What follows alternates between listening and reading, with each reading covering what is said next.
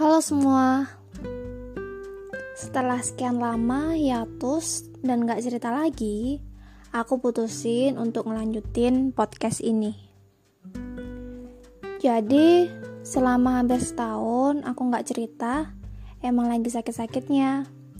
Waktu itu aku jalin hubungan sama seseorang Yang hampir masa remajaku habis sama dia. Setelah dia pergi, Asli, aku tuh di posisi galau-galaunya.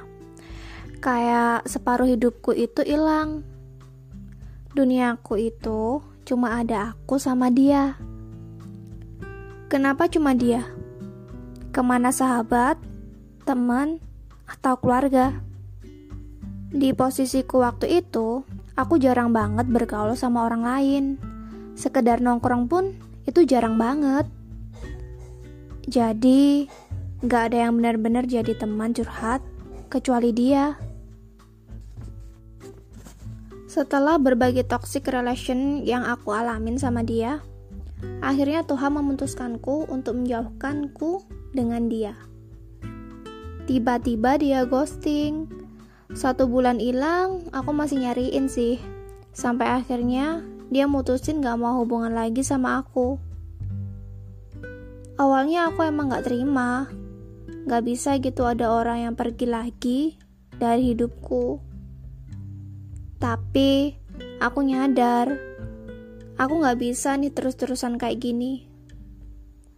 Aku gak bisa maksa orang untuk tetap sama aku. Apalagi hubungan itu benar-benar kacau.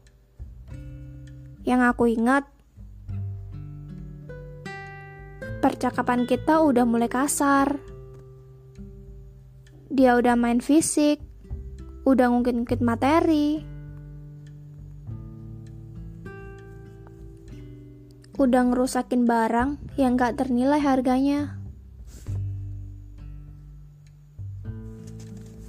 Ya, yang namanya hubungan pasti ada senengnya.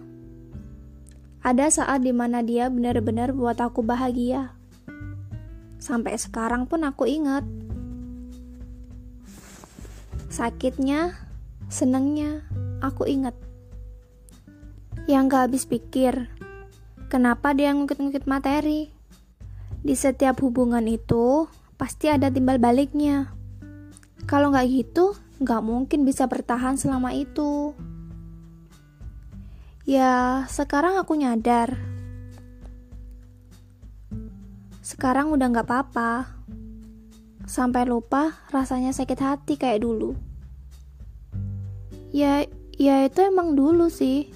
Jadi nggak perlu diinget-inget lagi. Yang aku ingat cuma senengnya aja. Susahnya aku buang. Dari itu, aku bisa bertahan sampai sekarang. Bisa bangkit dari rasa sakit yang kau berikan.